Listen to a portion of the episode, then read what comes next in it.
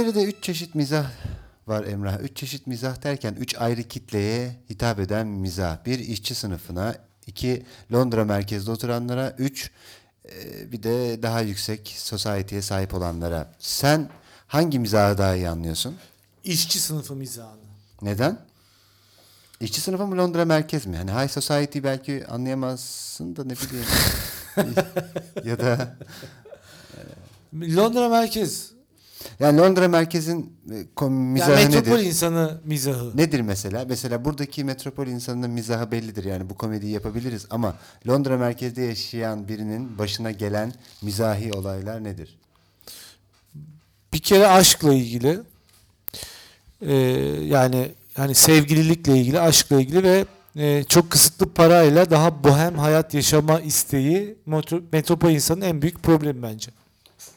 Bu İngiliz metropol problemi. Hayır hayır dünyanın her yerinde böyle. Yani, Yani- sen bir metropolde hem çalışıp e, hem böyle havalı görünüp havalı yerlere gidip o kısıtlı parayı böyle hiç ediyorsun ya. Bu zaten başlı başına bir drama. Ha anladım. Ama o zaman burada yaptığın mizah burada yapacağın bir kara mizah o zaman İngiltere'de tutar mı aynı Tutar tabii. Niye tutmasın ki? Neden? Zaten çünkü aynı heyecanları yaşıyorsun. Veya aynı depresyonları yaşıyorsun. Peki- Şöyle düşün. Ben hemen sana bir e, metropol insanı e, çerçevesi belirleyeceğim. Ailesi hangi ülkenin olduğundan bağımsız olarak konuşuyorum. Bir taşrada büyüdün. İstanbul veya işte Londra demeyelim yani. Bir başkent var, büyük şehir var, bir de taşralar var. Taşrada büyüyorsun, üniversiteyi kazanıyorsun ve büyük şehire geliyorsun. Bu bir konflikt zaten. Yani senin kendi güvenli alanından çıktın. İki, büyük şehir bir takım problemler var. Nedir bu? Ulaşım problemleri, barınma problemi ve aynı zamanda bunların tam oran orantısına uymayan bir para harcama e, matematiği var. Dolayısıyla zaten sen şu anda bir dramaya başladın. Bir ve ek- ekstra üzerine geliyor yalnızlık.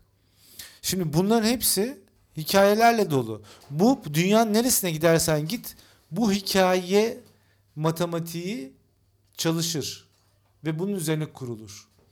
Bunun içerisinde yalnızlık teması işleyebilirsin. İşte para, iş, kariyer teması işleyebilirsin. İlişki var. İlişki içerisindeki problemler onu işleyebilirsin. Ee, kişisel olarak iç devinimin yani psikolojik ruhsal olarak problemlerin bu döngüde onu işleyebilirsin. Bunların hepsi kara mizah ve dramatik bir kurgu. Bu Londra'da da buna gülersin, İstanbul'da da gülersin, New York'ta da gülersin. Hiç fark etmez. Çünkü bir şeyi başarmayla ilgili e, ortaya koyduğun bir e, insan var, bir kimse var. Örnek var mı mesela? İki yerde de tutmuş bir dizi. Çok tutmuş bir dizi.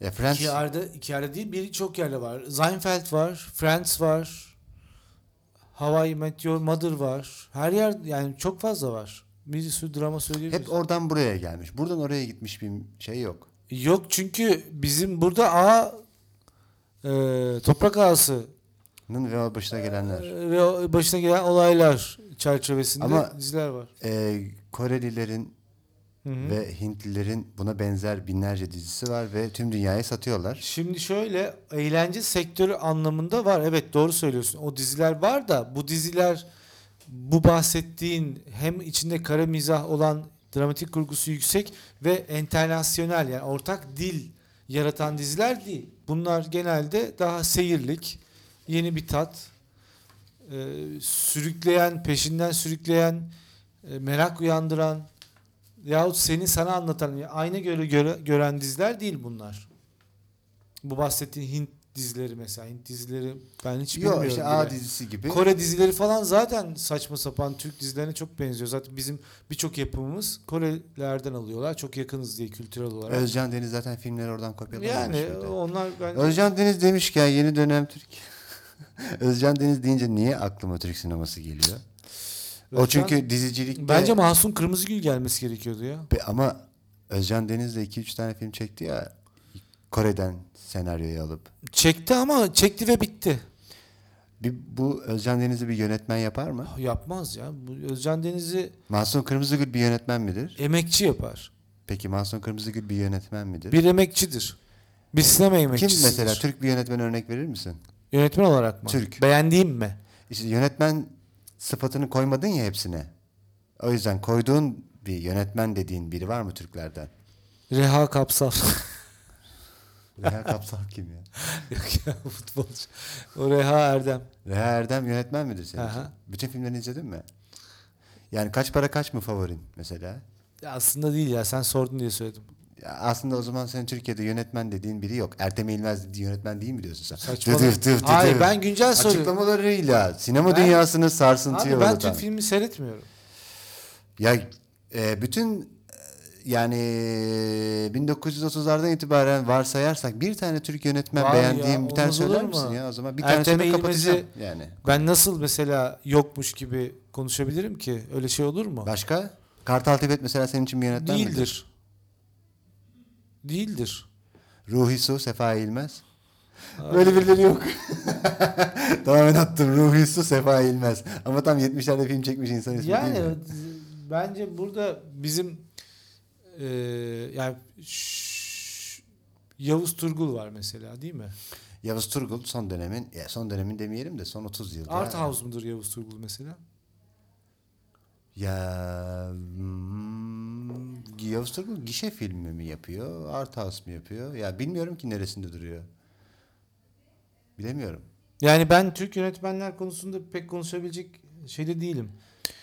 Ee, yani o kadar bir bilgim olduğunu düşünmüyorum. Yani Cem Yılmaz'ın son filmini izledim. Bak yine Cem ya- Yılmaz yani yönetmen falan değil. Yönet- o zaten o çekmedi galiba. o çekti. Senarist ve yönetmen yazıyor. Abi, Kara komik filmleri izledin. Kara komik filmler gerçekten kara komik filmler mi? Kara komikti olmasa bile beni ağlarken, güldüren, güldürürken ağlatan, sinirlerimi bozan bir filmdi. İkinci film yine bir Cem Yılmaz filmine benziyor da hani esprilerle. Ben Birinci Cem Yılmaz'ın tam olarak derdinin ne olduğunu anlamış değilim. Neden bu filmi yapıyor diye. Ben neden sinema yapıyor? Arkadaşlarla eğleniyor. Eğleniyorsa okey abi. Bu mesela e, yani tufayı düşüp de sinemaya gitmemen gereken bir konu o zaman. Artık. Ya ben her zaman öyleydi de. Hani sen Yani Türk sinemasını desteklemeyi sevdiğin için senle gidip seyrettik. Gora veya Hokkabaz'da olmadı mı bu biraz daha? Abi ben Her evde- şey çok güzel olacak. Orada gerçi Her- Ömer Vargı var Şimdi yönetmen olarak da yani- senaryosu ama yine buna adama ait. Cem Yılmaz'a ait. Abi senaryo olabilir de şimdi bir şey Çekme mi sinema tek başına senaryo ile ilgili olsa ben onu anlayacağım. Yani stand-up'ı ne kadar kuvvetli Cem Yılmaz'ın? Ne kadar kuvvetli değil mi? Yani Türkiye'de yanına yaklaşan kimse yok. Yani çok iyi. Tek başına zirvede duruyor adam. Ama sinema öyle bir şey değil yani. Daha doğrusu benim sinema ile ilgili- bu da sinema eleştirilme yani sinema e, sanatıyla ilgili eleştirileri de bir yere bir konuşmak lazım. Çok kişisel bir konu bu. Benim sinemaya bakışımla seninki bir değil. Benim buradaki görgüm de çok bağlayıcı olduğu için bana kalırsa ben diyorum ki mesela Cem Yılmaz gibi ya bu kara komik filmler gibi işte Hokkabaz ya bunlar beni bağlamıyor.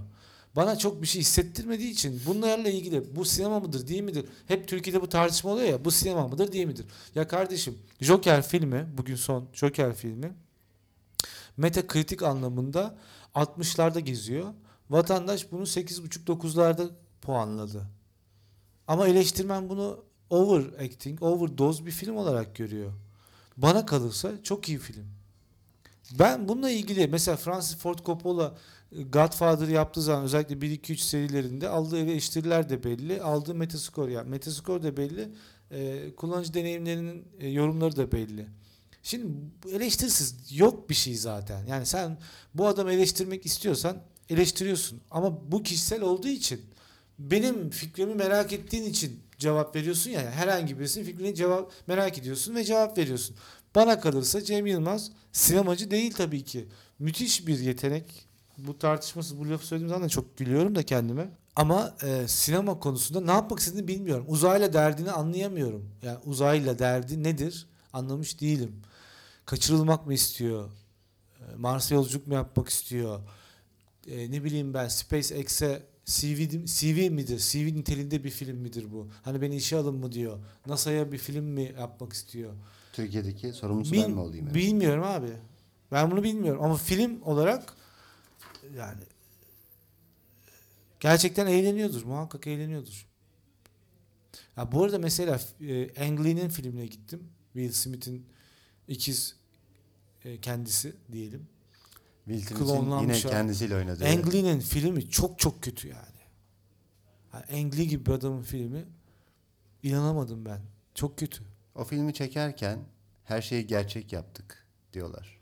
Ya onunla çok uğraştılar o filmle.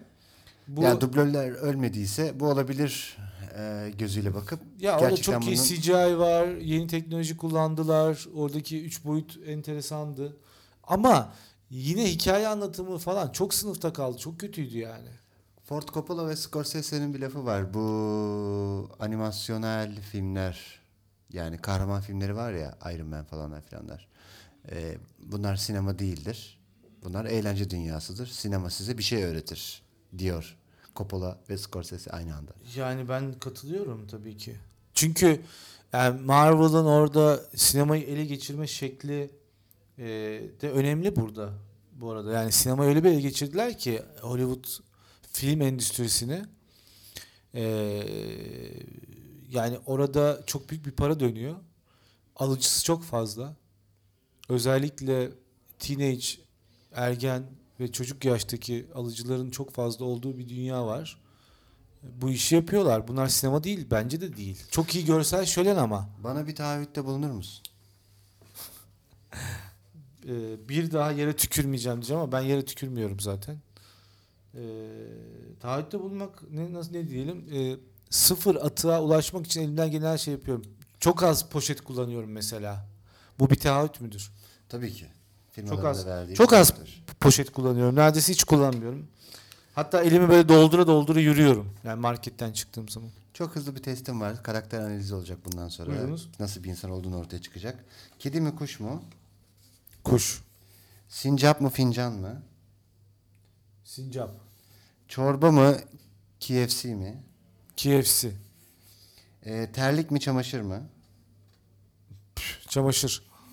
Ee, senli mi sensiz mi? Sensiz. Sensiz. Teşekkürler. Belki program sonunda açıklarım ne olduğunu. Çok heyecan vericiydi.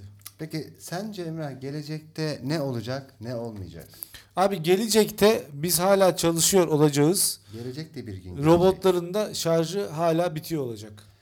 Mutlaka bu elektriğe ihtiyaç var. Kesinlikle Rüzgar var. türbinlerini kur, Kesinlikle var. Güzel. Hep bize iş düşecek ben sana söyleyeyim. Gene bozuldu lan bu robot diye mesela sinirlenecek herkes. Ya ama lityum pil diye bir şey var belki idare eder. Abi lityum pil de insan eliyle yapılmış bir şey değil mi? Robottan sevgilin olsa mutlu olur mu acaba insanoğlu? Ee, Yani mesela seni seviyorum diyorsun ben de seni diye böyle milisaniyeye geçmeden cevap veriyor. bizim derdimiz ne ki?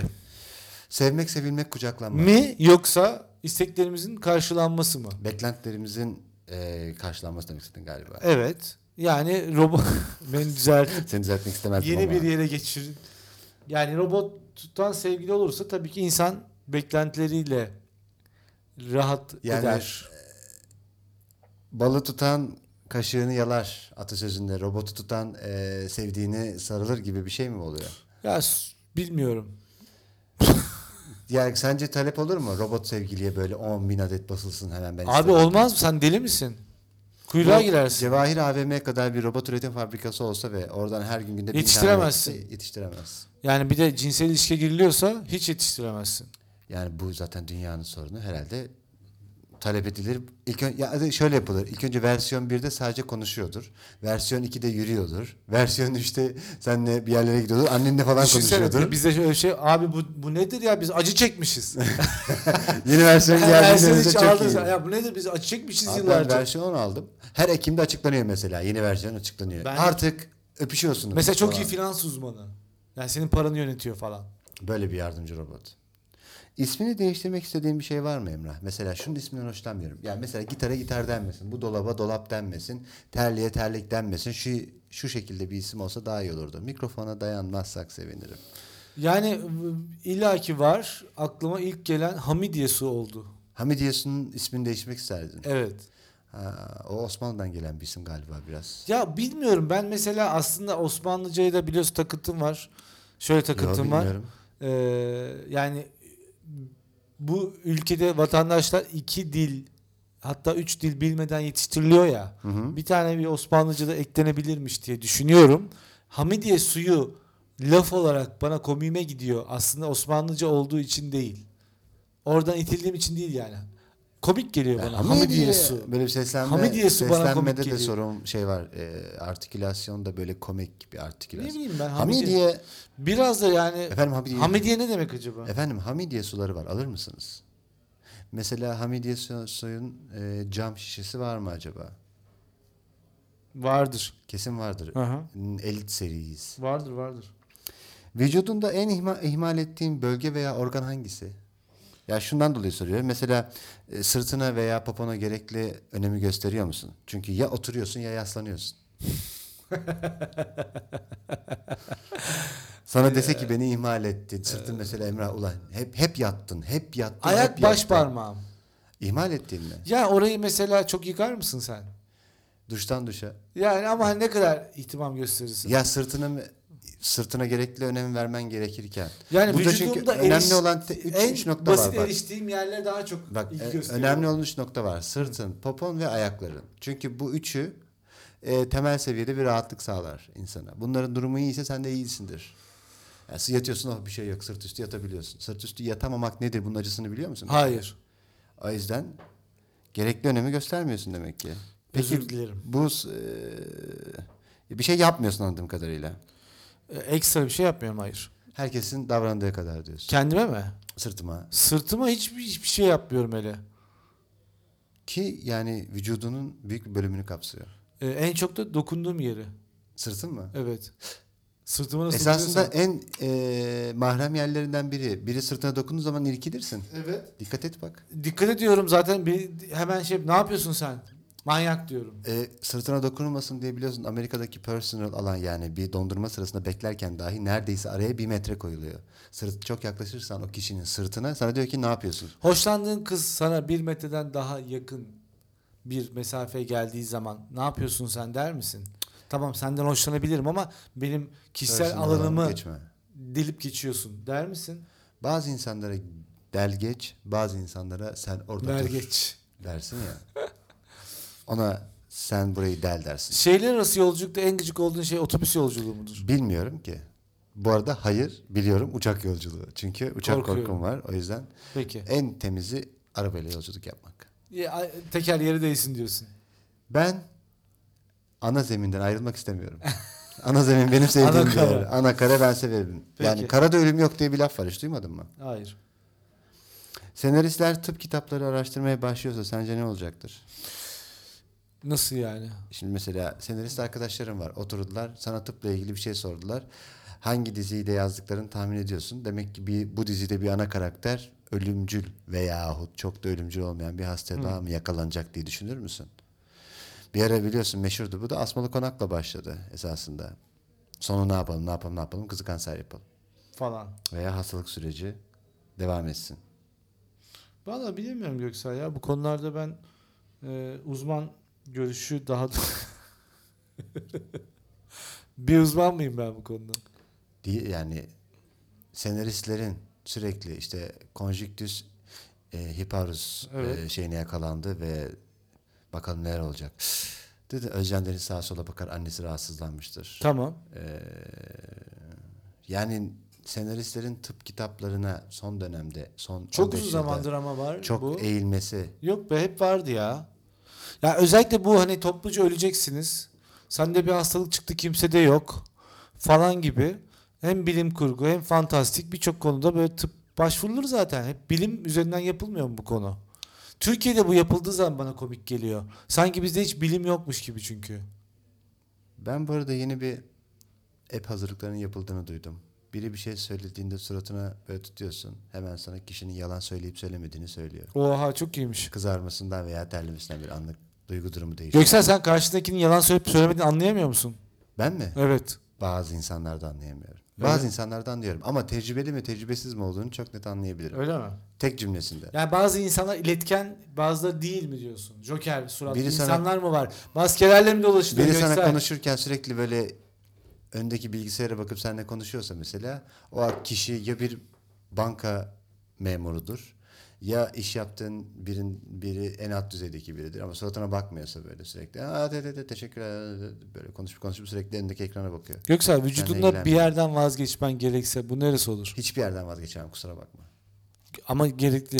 Ya hep şey var benim aklımda. Bir gün e, yakuzalarlarımız bozulursa serçe parmağımı kaybetme. Ya onu kaybederim okey diyorum yani. Niye serçe parmağını pek kullanmıyor musun? Yakuzalarda biliyorsun bir hata yaptığın zaman ilk o gider.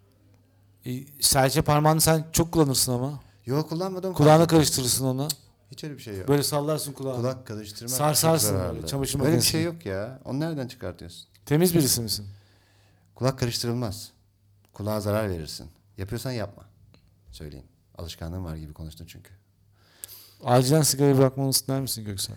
Acilen sigarayı bırakmanız lazım. Emrah hiçbirine you will never walk alone dedin mi? Dedim. Kime dedin? Bizim apartman görevlisi vardı Tahin abi. Neden dedin? Nereye gidiyordu?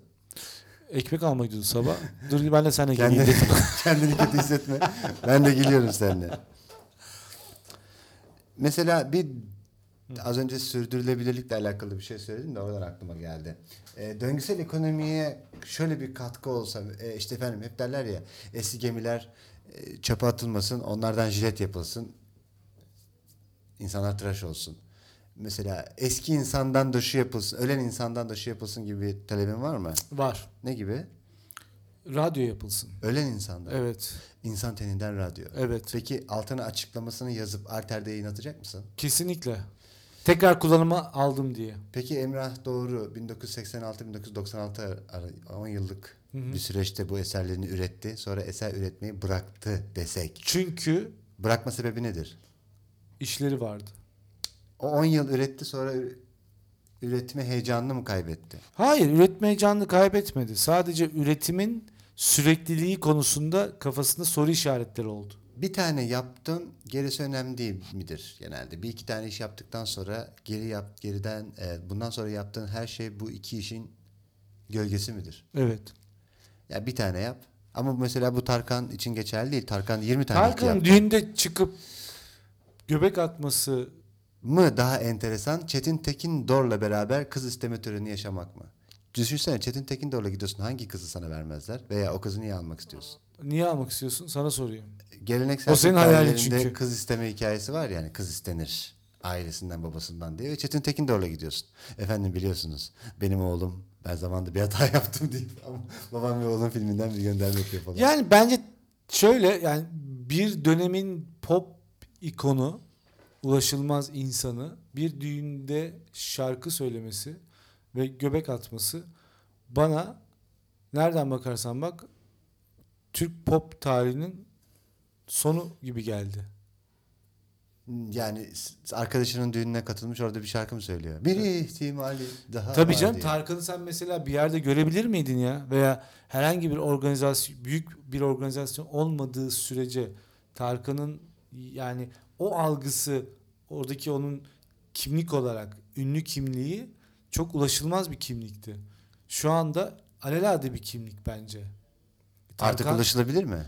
çok fazla ulaşılabilir. Yani sosyal medyanın tabii ki etkisi var ama Tarkan'ın da hareketleri, ya action'ları da bununla ilgili. Yani senin modacın düğüne çağırdı diye karını alıp gitmen ve orada şarkı söylemen Aa, bu gitmiş mi? tabii bu niye bunu yaptı diye söylemiyorum. Bunu yapman yeni bir matematik haline geliyor pop endüstrisi için. Tarkan diyorum. ilk Türk defa bir düğüne katıldı zaman. Ben daha önce hiç duymamıştım. çünkü. Hem de sahneye aldı. Hatta Ebru Gündeş'le birlikte ya? falan. Ne Ya zaman? onun kendi e, Tarkan'ın e, şeyi e, moda tasarımcısıymış. Allah Allah. Yeni mi bu? Yeni yeni çok yeni. Hiç haberim yok. Wolfgang Amadeus Mozart'ın dördüncü senfonisine başlarken dört kısa bir uzun ritimle başlar. Dın dın dın dın dın dın dın dın Peki. dın dın dın dın dın dın dın dın dın diye devam eder ya. Ee, burada artık bütün şarkının, bütün eserin böyle devam edeceğini gösteriyor bize. Sence klasik müzik öldü mü Emrah? Hiç yeni eser yok mu? Klasik müzik öldü abi. Hiç yeni eser yok diye mi? Abi yeni eser yok. Kalmadı. İlgilenmiyoruz da Göksel. Yani ilgilenmiyoruz derken Yeni müzisyenlerimiz klasik müzikle ilgilenmiyor. Ya bu hep çok klasiktir ya. Tü- işte türkülerimize sahip çıkalım. İşte eski müziklerimize, musikiye Türk sahip çıkalım falan. falan Ya sahip çıkalım. hayat o kadar hızlı bir devinimde ki Sahip çıkacak bir Yani bu burada endüstri de bizim alışkanlıklarımızla dinlemek istediğimiz şeyleri de belirleyen şey Amerika yani Batı toplumu. Özellikle Amerika. Yani gençlerin şu anda mesela oradan sıyrılıp Amerika. Ya Amerika tabii yani gençler oradan sıyrılıp mesela senin söylediğin ya Türklerimizi şa- ya bunu geç.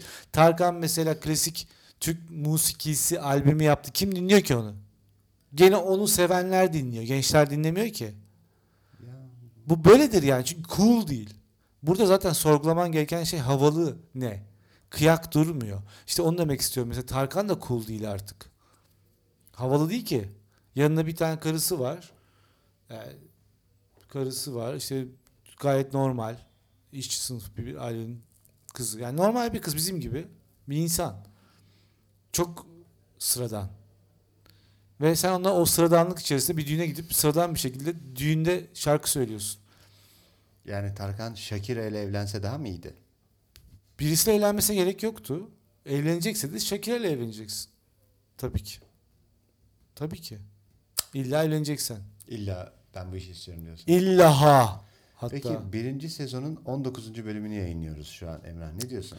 Ya bu e, inanamıyorum. Ben mesela Medium'da iki sene yazı yazdım. Hala yazıyorum ama çok az yazmaya başladım. Bugün baktım gene yazılara. Gerçekten insan e, hayatı çok hızlı akıyor. Sardırmak ister misin? Biraz Ne? ileri, biraz daha geri. Yoksa memnun musun bulunduğun Hayır, hiçbir zaman ileri sar- sardırmak istemiyorum. Geri sardırmak ister miyim? Bazen istediğim oluyor. Ne zaman mesela? En yakın Yani çok tarihin? canım sıkıldığı zaman, bir şeyi çok hatalı gördüğüm zaman kendimde onu öyle değil de şöyle yapsaydım daha iyi olur dediğimde mesela geri sardırmak istiyorum tabii ki. Ama insan da öyle bir şey ki her gün yepyeni bir kendiyle karşılaşıyor. Ve şaşırıyor. E, Şaşırıyorsun ya da kavrayışın gün be gün, an be an değişiyor. Sence bilincin veya e, vücudunun kontrolü sende mi yoksa alt beyinde mi?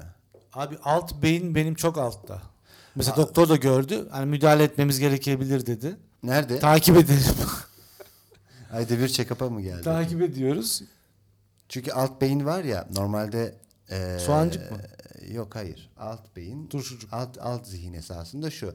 Normalde e, senin yaparken hiç düşünmediğin, nefes alırken düşünmediğin, yürürken düşünmediğin ama default'ta bunu vücudu Otomatik yapan. otomatik olarak hareket ettiriyor veya çok hızlı cevap verdiğin bir e, sorular. Sence meselesi. günde mesela kaç saat otomatiktesin? Otomatiktesin e, bence şimdi nefes aldığın için 7-24 otomatiktesin kafadan. O kesin. E, Ha bazı davranışlarını gün için- içerisinde yaptığın şeyleri de düşün. İşte onu diyece onu, onu soruyorum. İnsan birikimleriyle alt beyni sürekli doldurup e, o, büyük bir otomizasyona doğru mu gidiyor yoksa sen gerçekten e, buradan işte sürekli kahve almaya gidiyorsun ya. Bu alt beyin. Sana kahve iç, kahve iç, kahve iç, kahve iç, kahve iç. Sen iyi olur diye seni kahve içirtiyor. Ama gün içerisinde alt beynin emrinden ne kadar çıkıyorsun?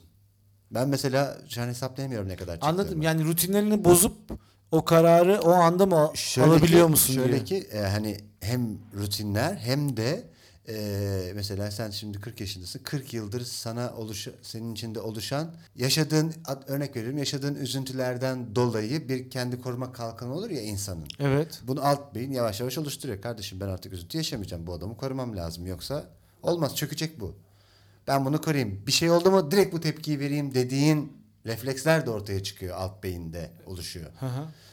Ee, ne gibi dersen işte kendini koruma içgüdüsü. Evet, evet. Ya sürekli mutsuz olamamak. Evet çünkü Yani- korumak lazım. Korumanı istiyor. Tabii. Yaşama o senin çünkü e, bütün sistemini götüren bir beyin yapısı. Survive ne zaman çıkıyorsun buradan? İnsan, bir insan ne zaman çıkabilir bundan? komple mi? Ya gün içerisinde yüzde kaç bunun içerisinde, yüzde kaç bunun dışında dışındasın? Valla işte ben de onu sorguluyorum ama bana kalırsa yüzde yetmiş bu e, alt beyin dediğin yani otomatizasyon yapan seni çok fazla düşünmediğini zannettiğin anları yaratan alt beyin neyse o bence gün içerisinde çok fazla çalışıyor. Ya bize aslında yüzde yirmilik yüzde otuzluk bir karar Pay verme kalıyor. payı var. Bir yüz- bu hayatının yüzde yirmi ve otuzunda dahi sana kalmasına rağmen karar verirken hata yapıyorsun. Kesinlikle. Yani yüzde yirmisiyle hata yapıyorsun. Abi düşün. ben sabah kalkar yüzü kalsa- kalkmaz hata yapacağımızı söylüyorum. Yani Yüzde yüzü kalsa demek ki bittik. Tabii. Tükendik yani. insan ilişkisi götürecek halde, insan ilişkisi götürecek halde olamayız. Default verdiğimiz telefon yanıtları bile var. evet. Hemen hali hazırda. Nasılsın? Tabii. Aa çok iyiyim sen nasılsın? Çoğu zaman telefonla konuşurken dinlemiyorsun ki.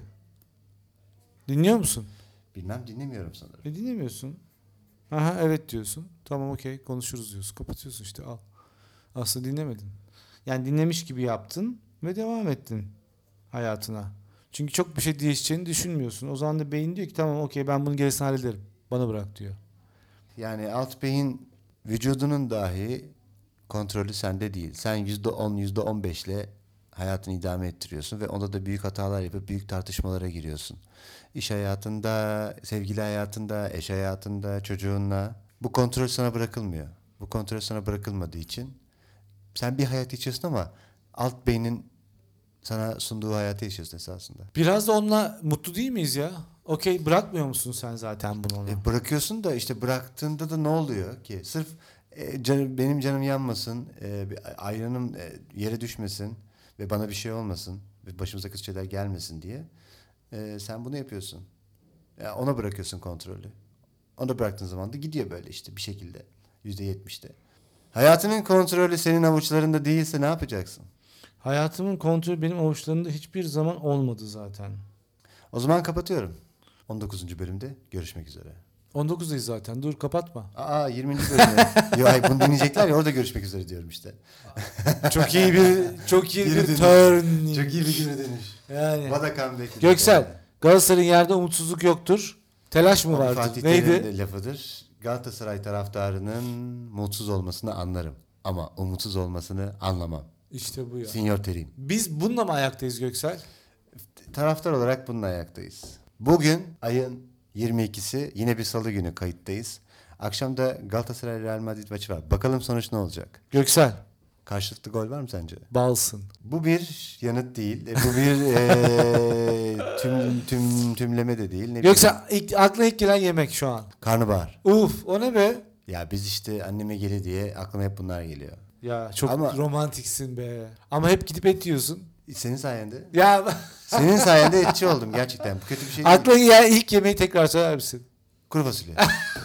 Gerçekten. evet o geldi yine. Gidelim mi yemeğe? Gidemeyiz ki. Hüsrev'de var ama uzak şu an. Şey uzak. Kuru fasulye mi? E tabi Hüsrev'in kuru fasulyesi çok iyi. Gerek yok kuru fasulyeye bugün. Peki. Program bitti o zaman. Program bitti. Bittiğini de anlamayacaksınız zaten.